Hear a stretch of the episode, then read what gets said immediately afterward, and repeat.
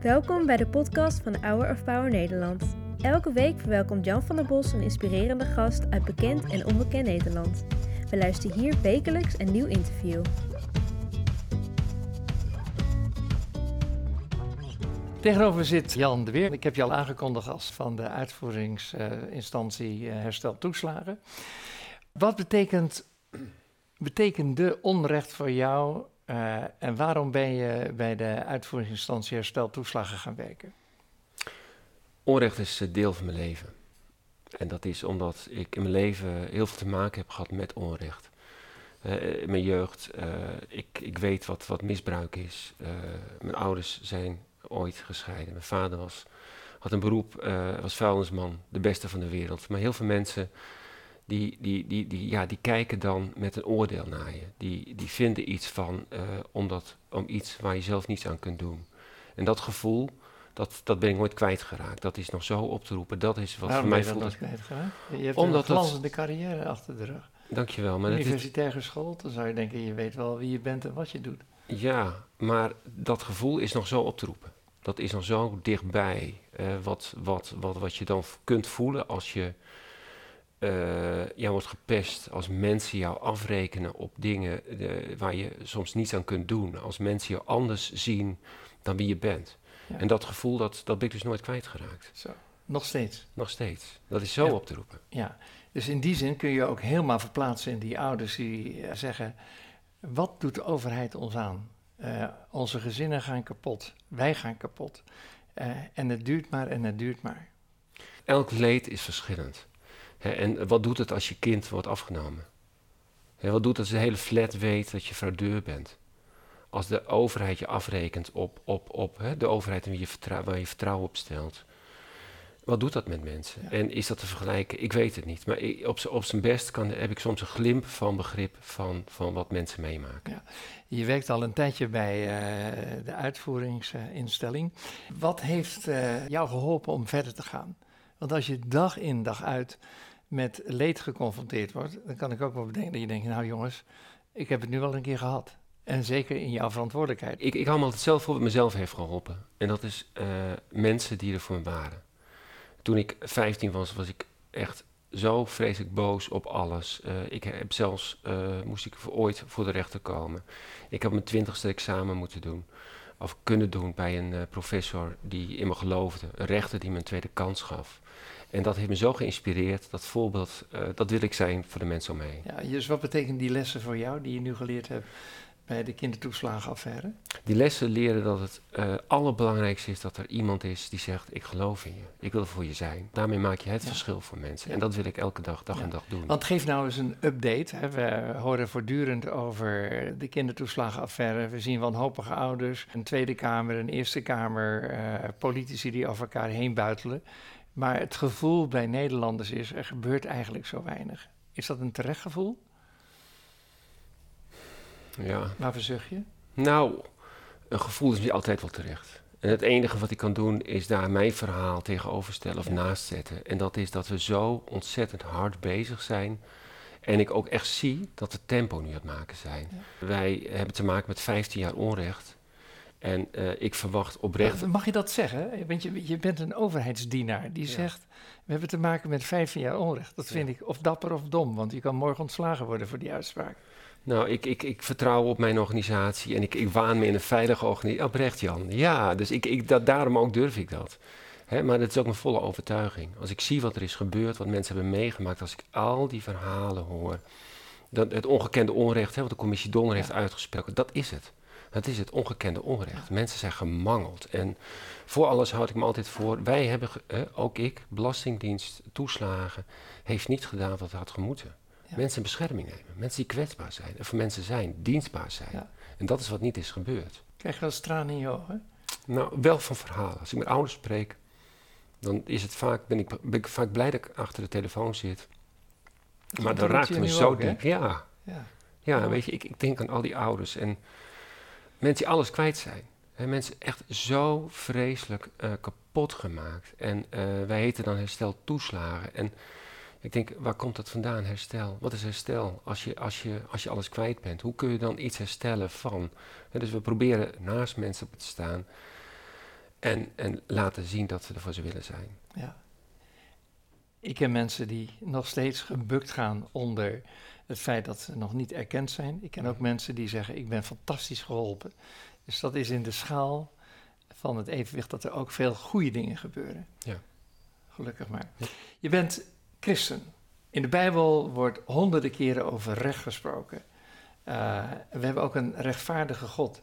Hoe combineer jij jouw christen zijn met uh, de functie die je nu hebt?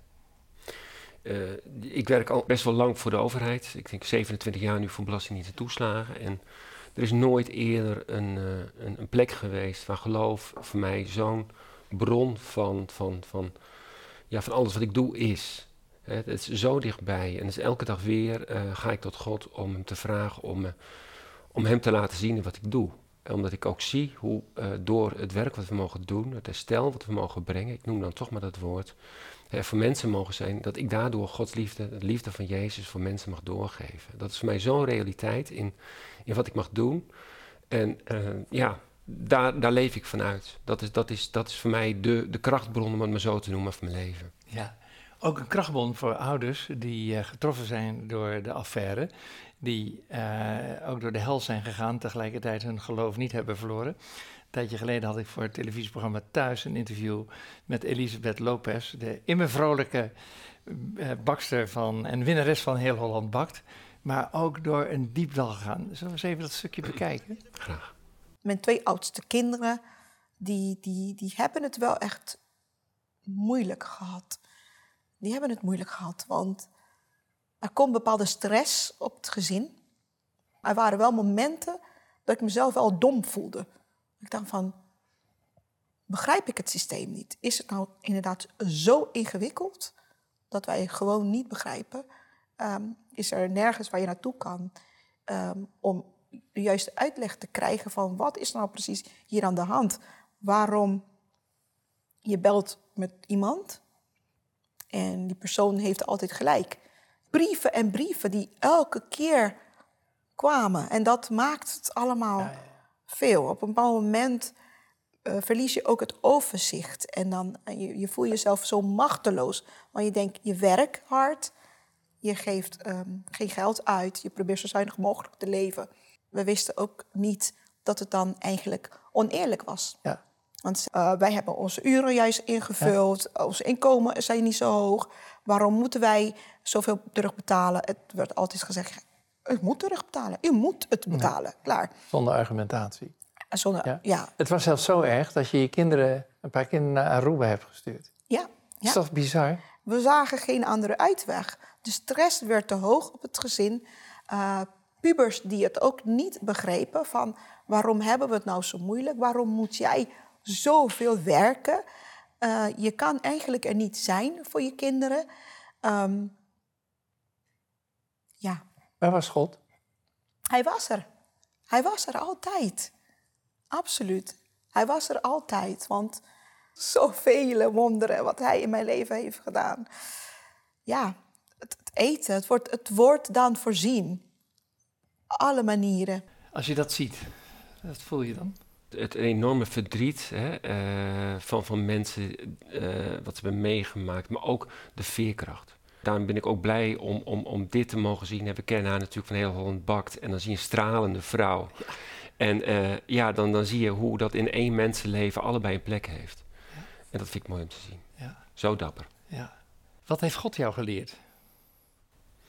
God heeft mij geleerd om uh, het niet op te geven. God heeft mij geleerd dat er altijd hoop is. God heeft mij geleerd om hoe belangrijk het is om er te zijn voor de mensen om je heen. Wat wij als christenen ook mogen betekenen, hè, vanuit de liefde van, van Jezus, dat voorbeeld wat we elke dag hebben, wat dat te betekenen voor deze wereld. Dat vind ik de belangrijkste rest van de Bijbel.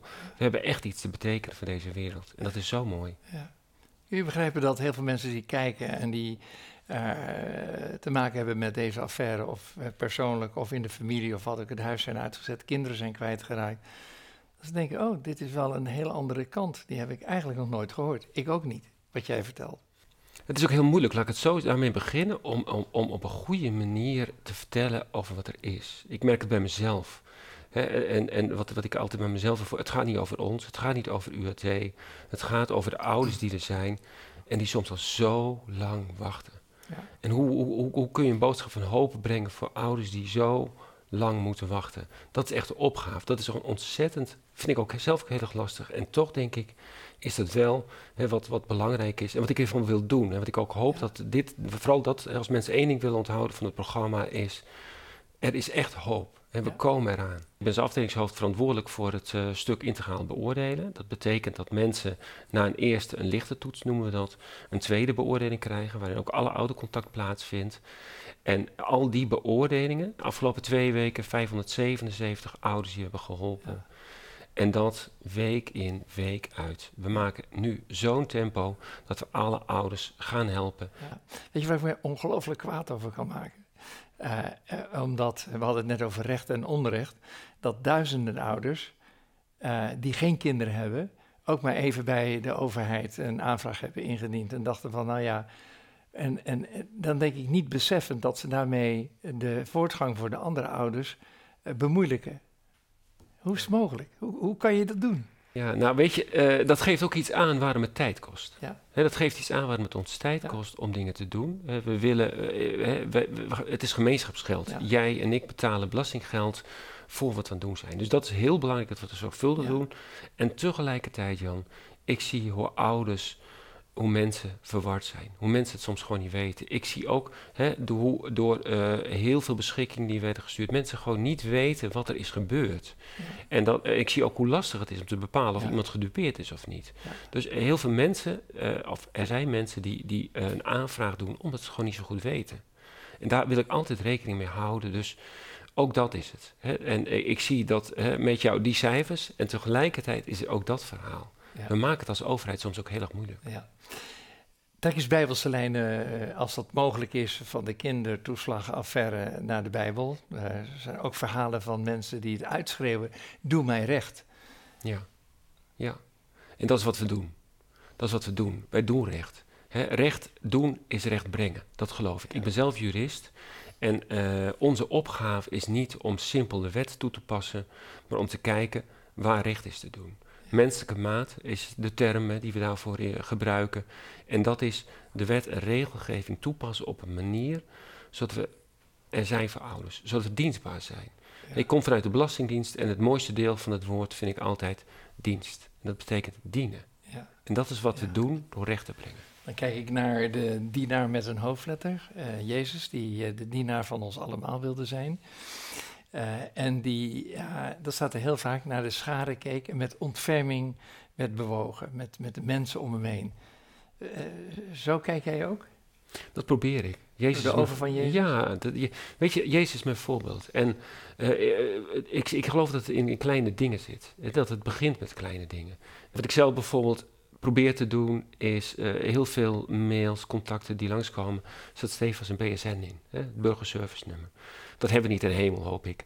Hè, en wat ik, eh, wat, ik, wat ik doe, vraag, het is geen vraag van een BSN. Ik zoek altijd de naam van de ouder op. Vraag van mevrouw Jansen, vraag van meneer eh, Dos Santos. En zo eh, probeer ik hè, de cultuur zo te maken dat steeds blijven zien dat het juist gaat over ouders. Dat het juist gaat over kwetsbare mensen voor wie er moeten zijn. Er zullen ongetwijfeld ook naar deze uitzending van Hour of Power, waar jij graag naar kijkt. Hè? Ja, ja Eh, je bent een trouwe kijker, dat vind ik ook heel absoluut. leuk. Eh, ja. eh, kijken, wat is jouw boodschap aan gedupeerde ouders? Mijn boodschap zou zijn, ouders. Ik weet dat heel veel ouders al heel erg lang wachten. En ik kan me zo goed voorstellen dat je dan het vertrouwen kwijt bent. En dat je dan denkt dat je vergeten bent. En mijn boodschap is vooral, alsjeblieft, u bent niet vergeten. We zijn er voor u. En ik wil u vragen niet om vertrouwen te hebben, want dat is te veel gevraagd. Maar alsjeblieft, blijf hoop houden. Een ouder zei me afgelopen week zo ontzettend mooi. Als je bij oude Paul bent en als je iets mag zeggen, geef dan vooral die boodschap. Ouders, hou moed. Hou hoop. Hoop doet leven. Heel mooi dat je gelijk in de camera keek. Ja, dat doet Ja. de koning ook. Nou. Jan, ik wil je heel hartelijk bedanken voor eh, je bijdrage. Eh, ik vond het heel dapper. Die kwetsbaarheid, eh, denk ik ook dat je heel veel mensen mee, mee helpt. Maar ook het verlangen om echt eh, tot oplossingen te komen. Eh, dit is, eh, jij bent geen onbeschreven blad, want je hebt ooit voor de rechter gestaan. Maar ik geef je wel dit boek. Het is een notitieboek. Ik hoop dat jij heel veel in dit eh, boek zult kunnen schrijven. Hartelijk dank voor jouw eh, zeer gewaardeerde bijdrage. Dankjewel. Fijn hier te zijn. Bedankt voor het luisteren naar het interview van deze week. We hopen dat dit verhaal jou heeft bemoedigd. Wil je meer weten over Hour of Power of andere interviews bekijken? Ga dan naar www.hourofpower.nl